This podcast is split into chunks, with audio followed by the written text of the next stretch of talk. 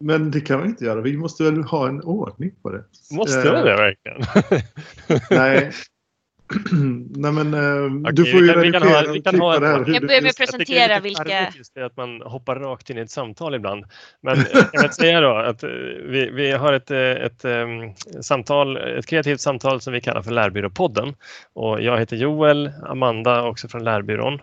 Yes. Eh, Och idag har vi eh, Marcus Landström som gäst. Och vi är mitt i en liksom intressant, eh, ett, ett intressant samtal här. Jag tycker du ska få fortsätta förklara. Vem, vem är du och vad är, eh, vad är ditt företag för någonting och vad är ni för fas? Jag heter Marcus. Jag är en eh, glad medelålders man som ser fram emot en ljus framtid i VR. Ja, Jag har alltid varit intresserad av teknik, jobbat med webben sedan 90-talet, eh, tagit fram olika typer av webbaserade lösningar. Sista åren sedan 2012 har jag fokuserat mest på e-handel, jobbat mycket med e-handelslösningar. Eh, varit mycket konsult genom åren. Men som sagt alltid tekniskt intresserad eh, och, och framförallt vad man kan skapa med hjälp av teknik. Så att jag har på med musik digitalt, jag har hållit på med bilder, mycket foto, jag har byggt 3D-grejer. Eh, jag har hållit på med multimedia som det kallades på 90-talet eh, och sen kom in på webb och sådär. Så att jag har en lång eh, liksom, historik inom teknik och internet och digitalisering. Mm. Eh, och även utifrån aff- affärsaspekten och sådär. Eh, och i november så eh, förra året, 2019, så fick jag ett, eh, ett sånt här på huvudet. Ett, ett eh, headset, ett Oculus det, Quest. Ett VR-headset. Och där och då bestämde jag mig för att det här, det här ska jag jobba med. Ja, så- så Har du, du har inte haft sådana headset på dig tidigare? Jo, eh, jag har testat eh, headset tidigare. Eh, alltså testat VR tidigare. Ja. Men de har alltid varit ganska stora, ganska tunga. Eh, med kablar och sladdar inkopplade till dyra datorer. Och, och eh, inte så bra tycker jag. Eh, men den här är en ny eh, variant som är helt eh, standalone. Det är som en mobiltelefon. Den är Android-baserad faktiskt. Eh, Som sitter i headsetet. Och, så den har tre timmars batteritid ungefär. Inga sladdar. Och du har två, jag ska visa, två handkontroller till. Det ser ut så här. Ja, just det. Så det är inte en sån här årets julklapp som man stoppar in sin eh, mobiltelefon i och så är det till. Nej, det här är lite mer Snäppet avancerat. högre. Ja, Ja, exakt. Snäppet högre, men, men fortfarande konsumentprodukt. De säljer, det är Facebook, eh, Oculus heter företaget och det är Facebook som, som äger.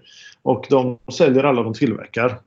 Ja, typiskt. Det, är verkligen, eh, det hade varit häftigt om de växlade upp nu istället. tänker jag. precis för Corona. eh, Fabriken har ju haft stängt eh, så de har legat efter med produktionen av hårdvaran. Men Mm. själva konceptet VR har ju fått otrolig fokus nu eh, under coronakrisen såklart eftersom folk vill mötas digitalt. Ja, vad kul. Som jag sa till dig, Amanda, så eh, jag känner dig, Marcus, som liksom en, ja, men en duktig entreprenör. Som, om du får kon på någonting så tror jag att ja, men det, här kan vara, det här kan vara häftigt. Det ska bli jätteintressant att höra liksom, din syn på det hela och vad möjligheter. Eh, för att vi, vi har ju spekulerat lite, du och jag Joel, eller vi på Lärbyrån, eh, va, va, liksom, vad, på vilket sätt kan vi använda det här? Eh, Mm. Och eh, diskuterat liksom, både för och nackdelar och varför, varför har det inte slagit ännu? Mm. Eh, liksom. eh, Det, ja, jag jobbar på en, på en reklambyrå här nu innan, innan jag startar mitt eget bolag i april. Eh, och min VD han skrattar ju fortfarande åt mig när jag pratar om VR. Han tycker, ja men vadå, det var ju hett för 2014, 2015 då pratade alla om VR. Det är ju, det är ju Ja. passé liksom. Och jag bara, nej men det har inte ens hänt än. Det har inte ens börjat hända. Eh, Mm så det är ju många som har en attityd till VR som är att antingen att ja, men det been there, done that, det blev inget, det kommer inte bli något. Eh, och en del som, eh, som faktiskt inte har förstått vad det, vad det är. Eh, och det var lite den där aha-upplevelsen som jag skulle vilja dela med mig av. Det finns väldigt många som, som pratar om VR. Eh, det finns till exempel en partner till mig som jag jobbar mycket nära som är immersivt.se som, eh, som i flera år faktiskt har, har varit ute och missionerat så att säga och pratat om VR och bjudit in företag och visat hårdvara och visat mjukvara och, och sålt konceptet VR. Men de har ju ofta samma så att säga approach alla dessa. Precis på samma sätt som det finns massor så här samarbetsplattformar eh, för VR. De ser mer eller mindre likadana ut allihopa. Eh, de har vissa gemensamma eh, som tekniska funktioner. Man kan dela dokument, man kan köra videomöten inne i dem. Man kan ha en whiteboard som man jobbar med och så vidare. Så många har liknande funktioner. Men väldigt få är anpassade för en specifik eh, målgrupp eller ett specifikt ändamål. Mm. Så jag hoppas kunna skapa en nisch då.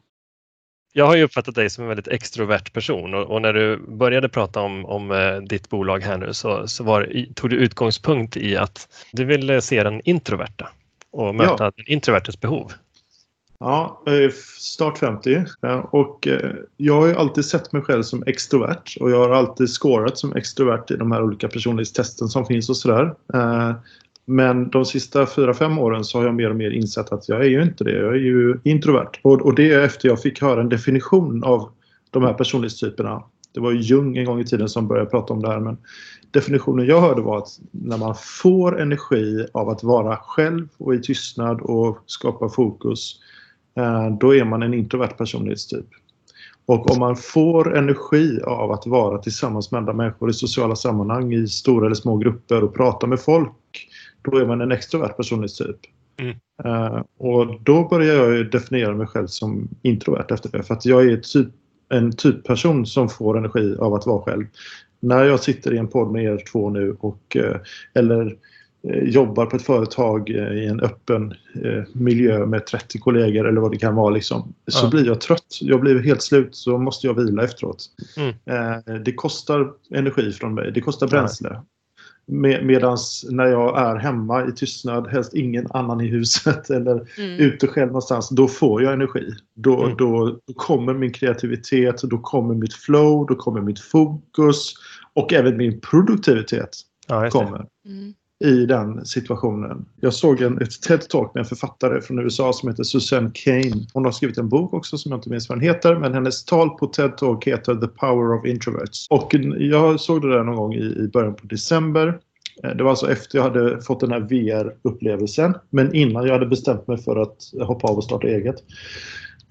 Eh, och jag fick en sån aha-upplevelse så att jag fick eh, tre dagar av ADHD-chock. Som jag eh, så då jag kom, på, jag kom på namnet på företaget, jag reggade domänen, jag reggade Facebook-sida, LinkedIn-sida, du vet, Instagram-kontot, Twitter-kontot, regga aktiebolaget, alltihopa på, på tre dygn.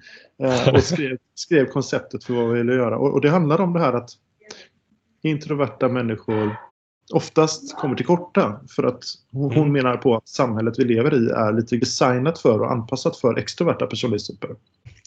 Många produkter är skapade för den extroverta, alltså för sändaren. De är skapade mm. utifrån ett sändarperspektiv men, ja, det är när jag men de är inte skapade närmare. för mottagaren. Liksom. Exakt, det är väldigt spännande. Jag har tittat närmare på de här olika mötesplatsapplikationerna som finns för VR där man ska samarbeta så är det väldigt ofta så att det bygger på att en person ska presentera någonting för en grupp människor som ska lyssna passivt.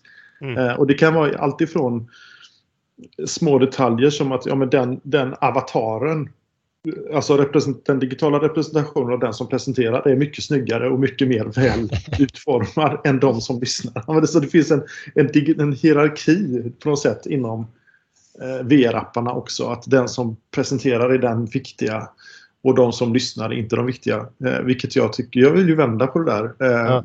Å ena sidan, å andra sidan vill jag skapa hellre då eh, happy places eller eh, för, för människor som faktiskt behöver fokus och som behöver ta sig bort ifrån bruset och få, få lugn och ro och få flow och kunna arbeta kreativt och kunna kontrollera sin, sin miljö. Så det är lite grann det jag ska försöka göra. Mm. Ja, häftigt. Det jag reflekterat över är att eh, man, man pratar om digitala AVs och man har virtuella fika och så vidare. Mm.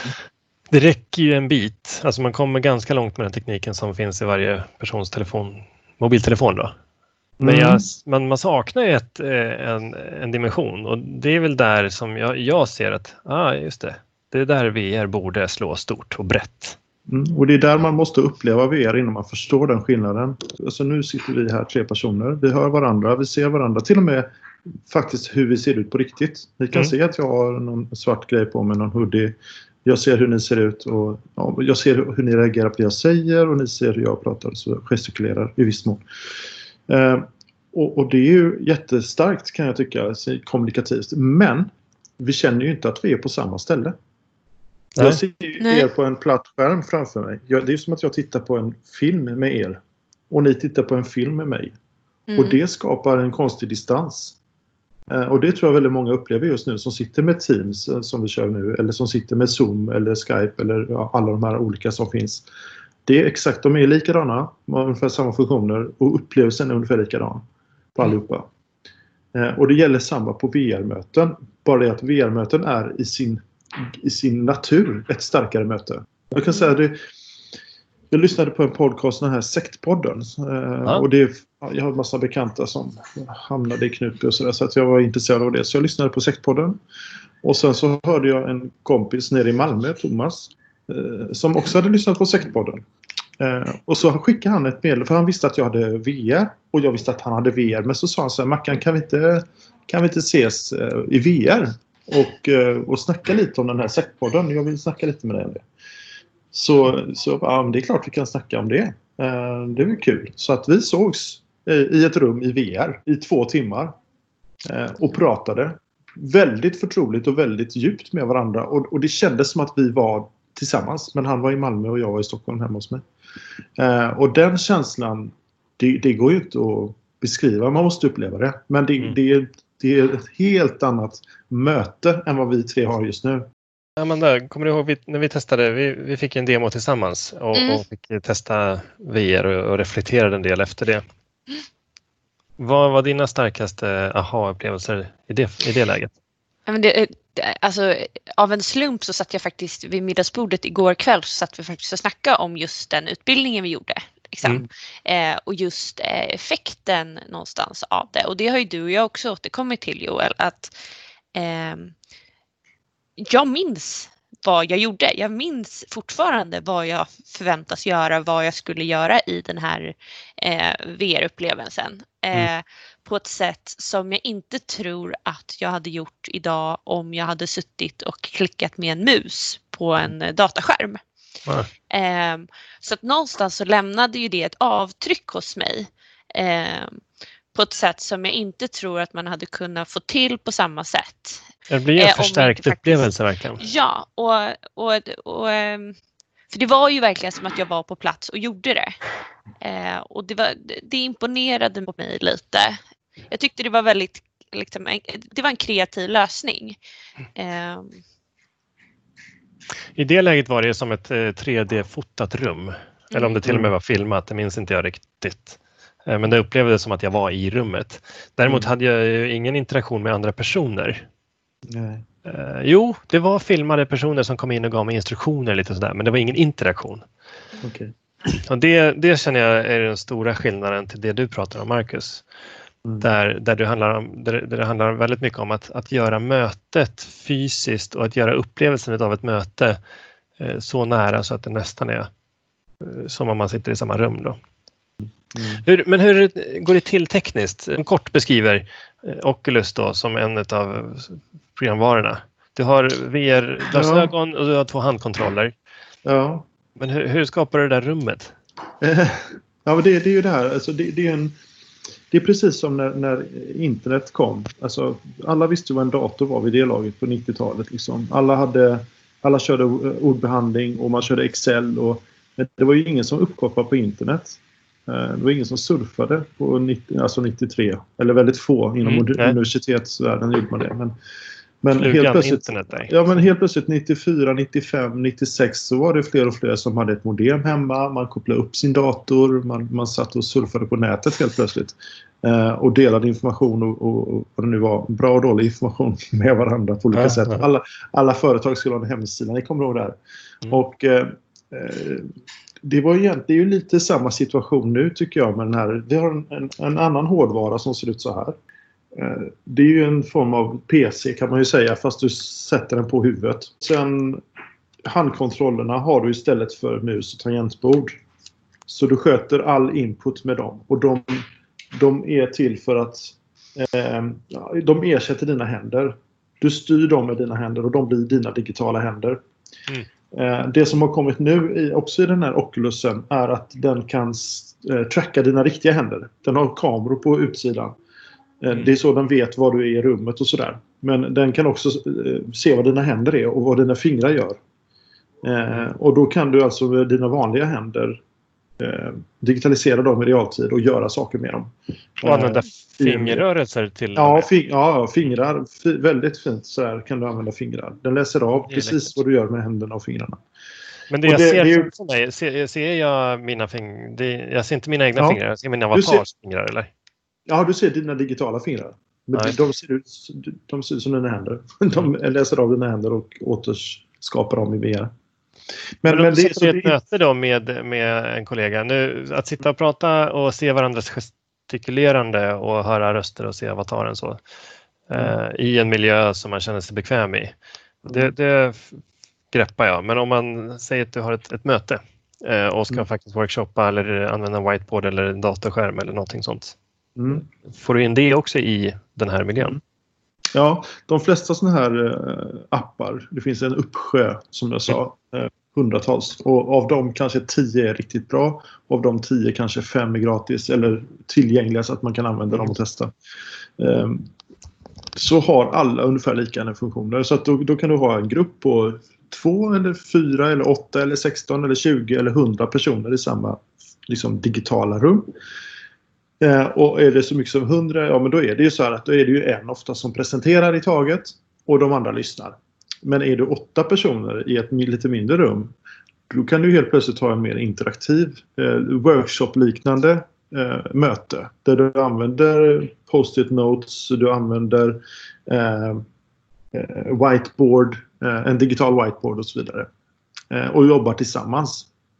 Mm. Uh, och, och man hör varandras röster så att säga. Micken är på hela tiden. Och, och, det kan ju bli så lite att man pratar i mun på varandra men det, det, det gör man ju även i videomöten eller i fysiska vanliga möten. Ja, verkligen. Det händer verkligen i mötesrummen också. Mm. Så det liknar det, det ganska teknik, mycket. Teknikstrul är en sån här typisk tröskel. Mm. Uh, mm. Micken funkar inte eller jag kastas ut för jag har dålig uppkoppling. Och det, mm. det tänker jag, det är samma, samma, samma. Ja, både ja och nej. Alltså. Det som är fint har jag märkt med VR-möten är att man kan ha ett rum persistent, alltså att det alltid är öppet och att det alltid är igång. Så att då kan folk komma in komma och gå som de vill in i det rummet. Och är, om jag uppehåller mig i mitt eget rum så att säga så hör jag ett kling i, i örat när någon annan kommer in och så kan vi börja mötas och prata. Och så kan en till ansluta och gå. Så att på det sättet så är det mer dynamiskt än det här att vi ringer den tiden och så ska allas mickar och allas eh, hörlurar funkar samtidigt och videofilmkameror.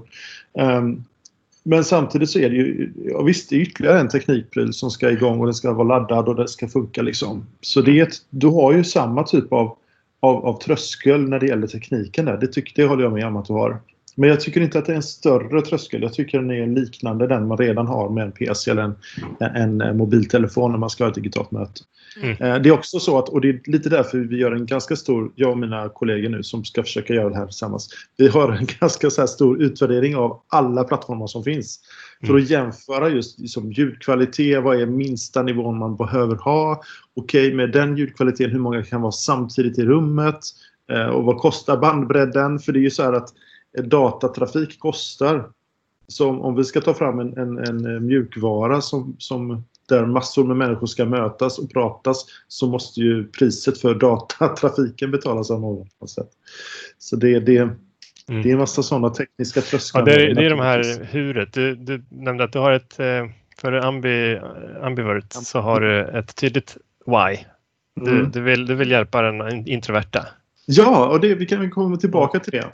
Men om vi får komma tillbaka till den här föreläsningen då, Susan Kane. Mm. Eh, hon pratar ju om i alla fall att eh, hela samhället är ju anpassat för extroverta, tycker hon. Eh, och, men introverta personlighetstyper utgör en tredjedel av världens befolkning. Det är ganska mycket folk. Det är många människor som är introverta och som då alltså inte funkar optimalt i, i våra företag idag. Och så sa hon att mycket forskning, som de alltid säger, mycket forskning pekar på att introverta ofta är både smartare, mer kreativa, mer mm. empatiska och de är bättre ledare. Alltså de är ofta väldigt, väldigt, eh, de är duktiga. Det var då du men... bytte från att vara extrovert till introvert? nej, det var, det. nej, men jag, det var då jag kände igen mig. Nej, då. Eh, nej utan nej, men jag tänkte så här, nej, men jag, tänkte, jag fick mycket empati för det. Jag tänkte så här, det är ju synd om de här människorna då, om jag är en av dem eller inte, men, men liksom, som faktiskt blir störda av att det låter på, på jobbet eller att någon eh, ja, men, att man försvinner fram. lite i mängden. Liksom. Ja, men också att man blir störd. Man sitter och jobbar och försöker skriva ett dokument eller en rapport eller göra ett arbete och så är det någon som går bakom ryggen och pratar högt i telefon. Och så blir man störd för att man sitter i en miljö som är anpassad för extroverta personer men man skulle egentligen behöva vara någon annanstans, kanske ensam hemma. Eller ja, för att kunna göra det jobb man, man vill göra. Mm. Att man blir avbruten. Ja, förlåt, men eh, för det har ju blivit väldigt eh, vanligt nu att man har de här eh, kontorslösningarna där man sitter i öppna så. Mm. Ser du att det här skulle kunna vara en bra, en bra lösning om man är på ett företag som jobbar så? Att man mm. liksom ska kunna erbjuda det här för dem? Ja, ja men absolut. Jag, jag har ju erfarenhet själv från, från det här genom många år tillbaka. Jag har själv använt sådana här noise cancelling-lurar som det här är eh, i fem år ungefär. Jag har dem liksom till och från jobbet, jag har dem på jobbet, jag har dem hemma. Jag har dem alltid, förutom när jag sover i princip. Så, och de tar ju bort allt brus eh, och alla höga ljud bort från, från mina öron. Och, och det tror jag och det har ju hjälpt mig jättemycket. Och på ett företag jag jobbat tidigare så hade vi till och med eh, att alla anställda fick pengar om de köpte eh, sådana här noise cancelling för de är ganska dyra. Mm. Så då fick man ett bidrag från företaget om man ville köpa. Eh, just, det är ingen och, och det, idé, faktiskt. Nej, det är väldigt bra. Ja, och det var ett teknikföretag med väldigt många, hög andel introverta kan jag säga, som satt och programmerade eh, och blev störda hela tiden. Och, och det höjde produktiviteten jättemycket. Jag, jag tänker att eh, nu när man lär sig att jobba digitalt och på distans på ett annat sätt så, så kanske det blir ännu mer, eller kanske lite twistat då, men ännu mer välj din egen arbetsplats. Eh, jobba därifrån du trivs. Ja, å ena sidan blir det ju ännu mer så och det blir ju ännu bättre kostnadseffektivt för företagen som slipper ha lokaler överhuvudtaget. Mm. Och det blir dessutom eh, som ett eget kontor för alla som jobbar. Så du jobbar hemma själv. Mm. Men, mm. men eh, du kommer ju tappa vissa aspekter av samarbete naturligtvis. Det ska man också ha respekt för att det finns eh, anledning för folk att mötas också. Har, har, ser du framför dig att man kan gå in på ett café på stan, sätta på sig sina noise cancelling-lurar och ett VR-headset? Absolut, precis exakt det jag ser. Ja. Eh, och även eh, på jobbet. Eh, man sitter där och det är 40 personer omkring dig. Du sitter på ditt skrivbord. Att du kan ta på dig ditt headset och dina hörlurar och köra ditt möte och vara ganska ostörd i det. Mm. Och inte bara köra ett möte. Du kanske, kan, du kanske bara vill skriva ett dokument men vara någon annanstans. Du kanske vill vara ute i skogen eller under vattnet eller uppe på en planet. Eller du kanske bara vill kontrollera din, din, vad du hör och vad du ser när du gör ditt jobb. Eh, jag håller på att experimentera mycket med de psykologiska grejerna nu. Eh, och, och se vad som händer om jag klär in hela mitt rum i en skog eller om jag klär in hela mitt rum i en, eh, i en strand eller i en, ja vad det nu är, olika ja. miljöer. Men vi som har jobbat på, på distans nu utifrån sommarstället ute i skärgården. Mm. Det är ju just den här veckan kan jag inte göra det, men tänk om jag bara hade kunnat Mm, nu är jag där och det är inte regnigt ute, det är soligt och fint och fåglarna kvittrar. Ja, ja, det, det, måste ju göra någonting för min psykolo alltså psykologiskt påverka mig. Vissa typer av arbetsuppgifter kanske du gör bättre i den miljön. Just det. Ja, och då är, det, då är det då du ska använda den miljön så att säga. Där måste man ju lära sig att hitta vilken miljö stimulerar vilken typ av arbete. Mm. Men där har jag också, jag har en, en ledtråd där. Jag börjar ja. tänka i termerna av att eh, jag börjar titta på mitt eget beteende. Det är ett bra sätt att börja rota i saker. Och, och liksom, vad gör jag? När, när jag hamnar, alla känner till Google Earth tror jag. Den här jordgloben man kan snurra på i mobilen och så kan man mm. zooma in. Och så kommer man, ofta går man ju hem till sitt eget hus och tittar. Det är många som gör. Eller man går till något ställe man har rest till innan och tittar där jag börjar titta på så här, men vad är det jag gör då? Vart går jag? Vad tittar jag på? Vad är jag intresserad av? Och, liksom, och jag, jag, märker att väldigt ofta så går jag till platser som där jag har liksom växt upp eller eh, något sommarställe eller någon kompis eh, bodde eller man gjorde någonting tillsammans med någon som, way back. Liksom, och mm. Går tillbaka till så här gamla happy places på något sätt. Liksom. Och så kommer massa minnen tillbaka och, och det, det, det sker någonting där. Och det, det tror jag faktiskt lite grann är nyckeln till det här. Men vilken miljö ska man sträva efter då? Jag vet, men, jag gjorde en reflektion en gång när jag, jag lyssnade på podd eh, och cyklade samtidigt. Mm. Och sen nästa gång jag cyklade förbi den platsen, mm. när jag hörde någonting intressant, då kom jag ihåg eh, det som sades i podden just när jag var där. Häftigt. Ja, det är häftigt och där, det tror jag, det skulle man ju verkligen kunna använda VR i om man pratar utbildning eller lärande. Att mm. vara på en plats eller förflytta sig och verkligen uppleva någonting.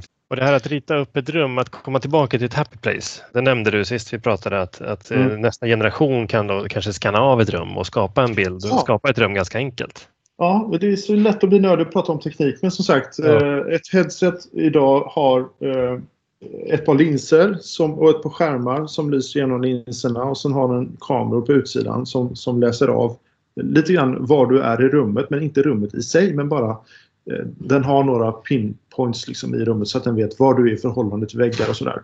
Och golv. Eh, men i framtiden så kommer den dels att kunna läsa av dina ansiktsuttryck, följa dina ögons rörelser och, och läsa av hur du reagerar så att säga och, och digitalisera det så att dina avatar, din avatars ansikte kommer att bli mycket mer eh, realistiskt. Och den kommer dessutom mycket bättre och i realtid kunna scanna av eh, rummet som du är i och digitalisera det och dela det med alla andra så att du kan bjuda in folk hem till dig till exempel. Som jag sitter här nu i min soffa så skulle jag kunna bjuda hem er till mitt rum här. Vi satt oss i var, varsin fåtölj där. Ja. ja, det skulle kunna sitta här eh, på varsin sida av mig. Tyvärr blir de eh. aldrig riktigt lika sköna. Man sitter i en kontorsstol Nej. och fast i VR-rummet. Så. Man sitter på sin pall där hemma. Ehm, du, du hade förut, det, jag förstår att det, det, man kan prata hur mycket som helst om fördelar med VR eh, och evangelisera som du nämnde om liksom, var, varför VR då. Men om man försöker kategorisera det och kortfattat liksom förklara vad, vad, är, vad, vad tror vi är de största fördelarna och skillnaderna med VR? Mm. jämfört med andra platta digitala medier? Jag har funderat massor på det här såklart. Uh, och uh, jag har kommit fram till tre så här, huvudpunkter. Nu verkar det bli fem punkter men uh, jag kan väl dra dem bara lite snabbt då. Men det första är det här att du är störd av din omgivning. Eller du vill bara komma någon annanstans. Så då kan man alltså skärma av sig själv med den här och den här och, och vad man nu har. Mm. Kanske till och med dra upp eh, hoodien liksom. Eh, skärma av sig, eh, isolera sig och skapa sitt eget eh, space, eh, sin egen plats alltså. Och eh, kanske ett happy place, något ställe där man gillar att vara. Eh, det är det ena. Mm. Och, sen, och det är alltså isoleringen och avgränsningen. Eh, för att få fokus då. Det andra är att det är en helt gränslös förflyttning. Du kan ju, det är ju så nära teleportering man kommer utan att teleportera sig själv. Mm. Du flyttar en, en, digital version i och för sig av dig själv till var som helst. Eh, på ingen tid alls. Mm. Du kan vara på två platser samtidigt. Eh, och det känns verkligen som att man är på två platser samtidigt. Eh, eller till och med så att du glömmer att du är på den första platsen. Alltså den riktiga platsen. Ja, mm. Och man förflyttar sig i hjärnan helt och hållet in i den andra platsen, alltså den digitala platsen. Ja. Och den är, den är ju sanslöst stark, den förflyttningen. Att det, skapar, det, förstärker, det förstärker upplevelsen i sig. Ja, du är ju där. Alltså, Chloé, min äldsta, eller näst äldsta dotter, hon fick testa det här för första gången igår. Mm. Eh, och hon, hon var bara så men jag, det är som att jag är här, jag är där, var är jag? Liksom? Hon blev, hon, det tog ett bra tag innan hon liksom kunde liksom landa i upplevelsen. Och, mm. tyckte, och sen tyckte hon det var fantastiskt. Men det, det är en stark förflyttning man gör. Mm. Eh, mycket starkare än man kan tro om man inte har testat. Eh, och sen tycker jag det tvingande perspektivet, det tror jag vi pratade om Joel, du och jag lite grann när vi pratade. Och det är ju det här, det låter hårt att tvinga någon till någonting. Men eh, det är ju så att när man får ett headset på sig, då kan ju det som visas för dina ögon tvingas. Så att säga. Någon kan bestämma vad du ser. Mm. Och hör och alltså vad du upplever. Och, och, på det sättet tror jag man kan hjälpa till och, skapa empati till exempel. Man kan min kompis Claes som jag jobbar med nu, han har ett favoritexempel som är att uh, amen, du kan uppleva att vara rullstolsbunden i kön utanför Spybar. Just det. På, på 90-talet och Fadde släpper inte in dig. Liksom. Uh, och, uh, och, och, det är någonting som man faktiskt kan uppleva first person med hjälp av VR-teknik. Just det. Uh, men det är väldigt svårt att förstå om man inte har upplevt det, hur det känns. Mm. Och det här kan man göra med filmmediet eller man kan göra det med virtuella medier. Det går Precis. Mm. Ja, det, det, det är tvingande på ett annat sätt för det blir mer påtagligt än om man ser en ja, men, klassiska reklamfilmen om att ge, ge pengar till hjälporganisationer. Det, Ja, där, det jobbar man med filmmediet för att skapa empati men Ja. Ja, men det är, inte, det är inte du som är personen. Det är inte first person view. Det som Nej, händer det är stora skillnader, på precis. VR-sättet det är att det Mm. är du som är personen i rullstolen. Du ser inte en Mm. annan person. Eh, det, och det är det som är det tvingande perspektivet. Att det är du själv som du får det first person perspektiv som det kallas. Mm. Det, Spännande. det, det är också en väldigt spännande tanke och det det är också kopplat till det tvingande perspektivet att men Joel, eh, helt plötsligt så är inte du chef längre. Nej. utan, nej, utan du är praktikant. ja just det. Och så kan, så kan du få känna på hur det känns, eller tvärtom. Eh, om det är chefen som inte får någon empati av sina anställda så kan, så kan chefen säga men nu ska du vara chef. Men jag kan for, fortfarande ver- verbalt förnedra mina kollegor. Det kan du alltid göra. Ja. Eh, Så som en, ja. som en föredömlig chef ska göra. Eller? Ja, precis. Ja. Nej, men sen tänker jag en, en tredje eller fjärde punkt då är ju eh, digitaliserad fysik kallar jag den. Men det är ju det här som vi pratade om förut också att, att Amanda, du sa det också, när kroppen är med så, så kommer man ihåg på ett annat sätt. Man får en annan relation till det man gör, har gjort och har lärt sig. Eh, Mm. Och det tror jag är jättestarkt på. Mm. Och den andra sidan av det, den här digitaliserade fysiken om man får säga så, det är ju att Mm. mina händer när de blir digitaliserade så kan de utföra jobb någon helt annanstans. Ja, just det. Eh, det. Det blir en förflyttning i det fysiska rummet också nästan. Eh, det Ja, har jag sett exempel på när man opererar en person på Ja, det är det klassiska exemplet. Ja. Men, men absolut. Men det kan ju även vara, det kan ju vara massa andra grejer. Men eh, allt som är digitalt kan ju översättas till fysiskt liksom, med hjälp av robotar eller datorer. Eller både och. Eh, så det är också intressant att, att ha i åtanke då för framtiden. Och sen naturligtvis den sista som man ofta glömmer det är ju att det här är ju digitalt. Så att alla, alla fördelar av att det är digitalt finns ju där. Det kan kopieras, det kan delas, det kan sparas eller raderas. Men eh, bara blir jag lite nyfiken. Så du menar att eh, om vi skulle haft ett möte nu, ett virtuellt möte, så kan du spara ner det. Blir det en film då? Kommer en Ja, det- film det över hela vårt... lösningar. Ja, det finns lite olika lösningar. Mm. Det som man typiskt sparar så här, de flesta av de här rummen är inte persistenta, det vill säga att när man lämnar rummen så försvinner de. Det är som en, det är som en Snapchat-bild som vi pratade om. Den, Mm. den är där för mötet och sen när ni lämnar mötet så försvinner referensen och försvinner rummet och det ni har skapat försvinner också. Men det finns andra rum som, som sparar det ni skapar tillsammans. Så om, om ni går in och till exempel ritar en bil tillsammans eller gör ett jobb på en whiteboard eller skapar en modell eller gör någonting ihop så sparas det i rummet. Så ni kan lämna rummet, komma tillbaka till samma rum och fortsätta jobba. Eller ni kan släppa in andra människor och bedöma det ni har gjort. Just det, man har hur många workshoprum som helst plötsligt. Det kan Ja, ja. ett mötesrum för varje eh, projekt som är pågående. Och i bilindustrin är det här sjukt stort redan. Alltså de är på väg att gå bort ifrån stora lermodeller av bilar som är i skala 1 till 1 till att jobba helt digitalt. Eh, och de, de sparar ju enormt med både tid och pengar på det. Men, men det, är, det är en ganska långsam omvandling, men de är mitt inne i det. Eh, och det, det är fortfarande väldigt avancerade, dyra grejer de använder. Men, men det kommer till, till oss också snart, liknande verktyg.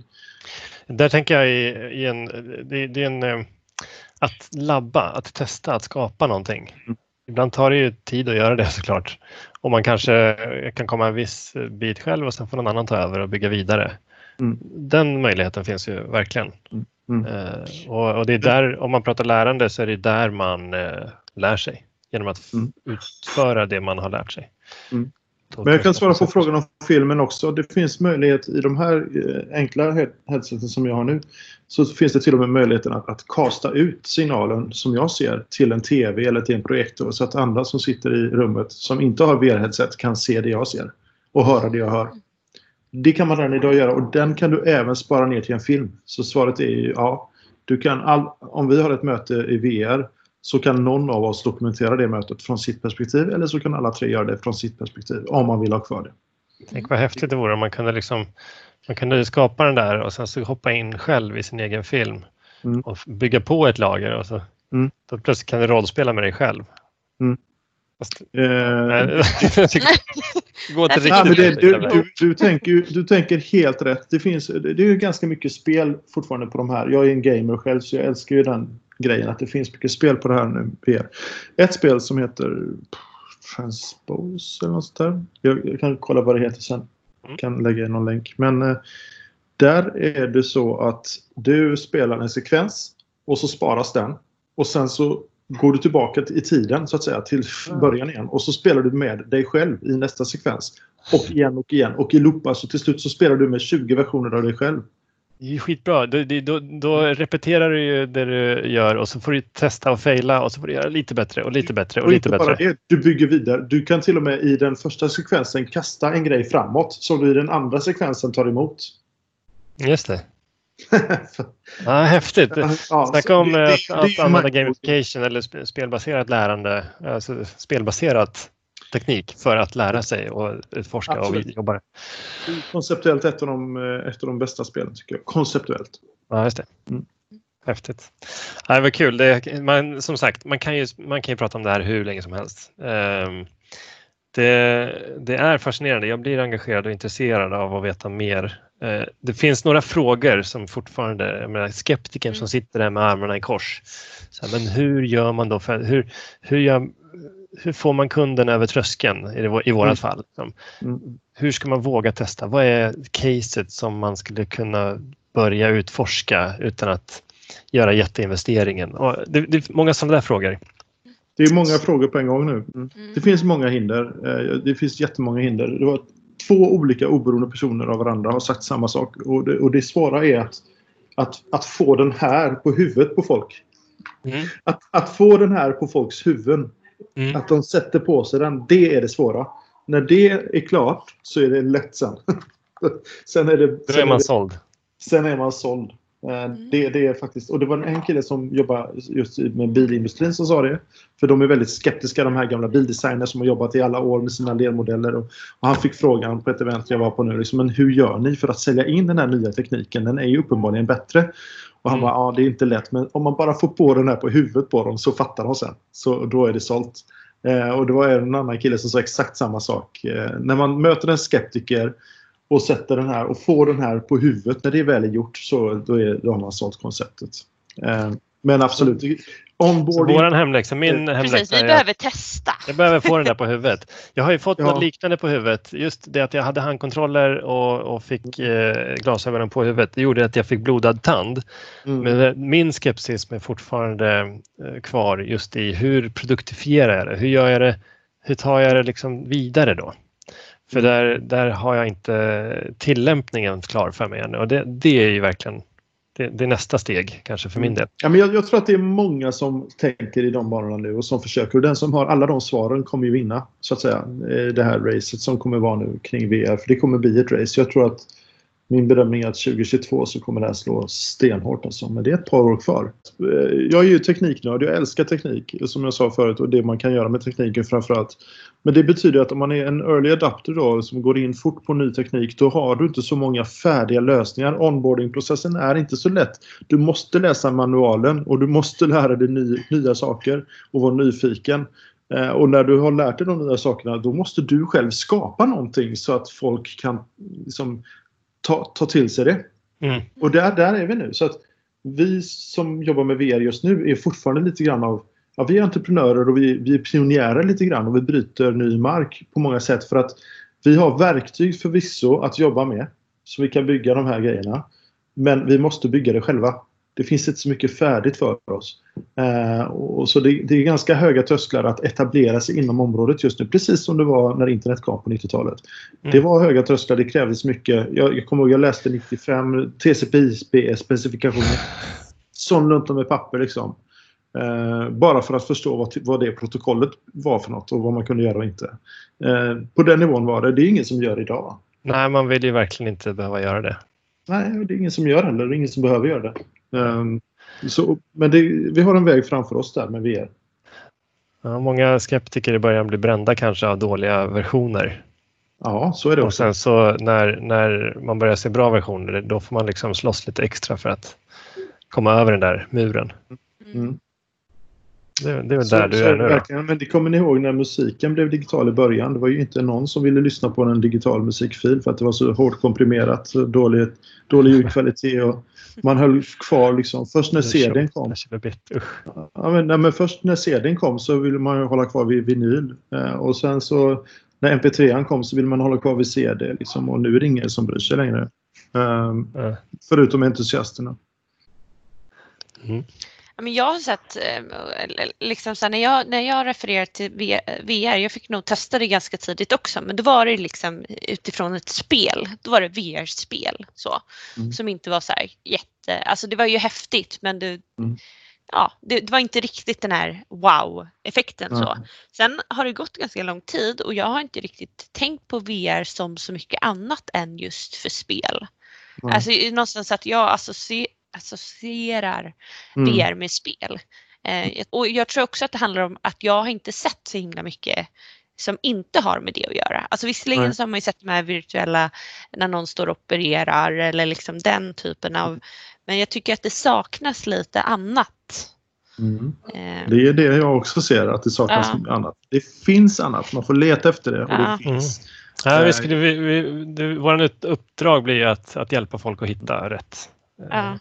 Jag tänker att det är poddformatet här nästa format borde bli VR-podd, att man faktiskt kan hoppa in i podden och, och träffa de här personerna, se Mm. Sitta men, i soffan men, tillsammans med oss. Mm. Men exempel på andra grejer. Jag kan ju säga så här. Till exempel så vad jag använder min till. Jag mediterar sju minuter varje morgon eh, i en app som heter Trip som jag prenumererar på. Kostar 24 dollar per år. Det är en ny meditation varje dag. Den har två olika, en för fokus och en för att bli lugn. Det är, med, det är visuellt och det är med ljud. Och jag kan till och med personalisera den genom att ladda upp mina egna bilder på vad det blir, barn och sånt som man gillar. Eh, så, får, så blir det min, mina sju minuter och det, det, har ingenting med spel att göra. Men det, för mig det, har det blivit en jättestor grej som jag gör varje dag nu. En eller två gånger om dagen. Häftigt det, det, är ett exempel på någonting annat. Du kan kolla på Netflix mm. med den, och, det, och, och, då är det som att ha en IMAX i. Du sitter i din bekväma soffa och så har du en egen IMAX. Och du, så du kan se en vanlig 2D-film så att säga fast i, ditt, uh, i jätteformat och superkvalitet. Ja, häftigt. Ja, Netflix, Youtube.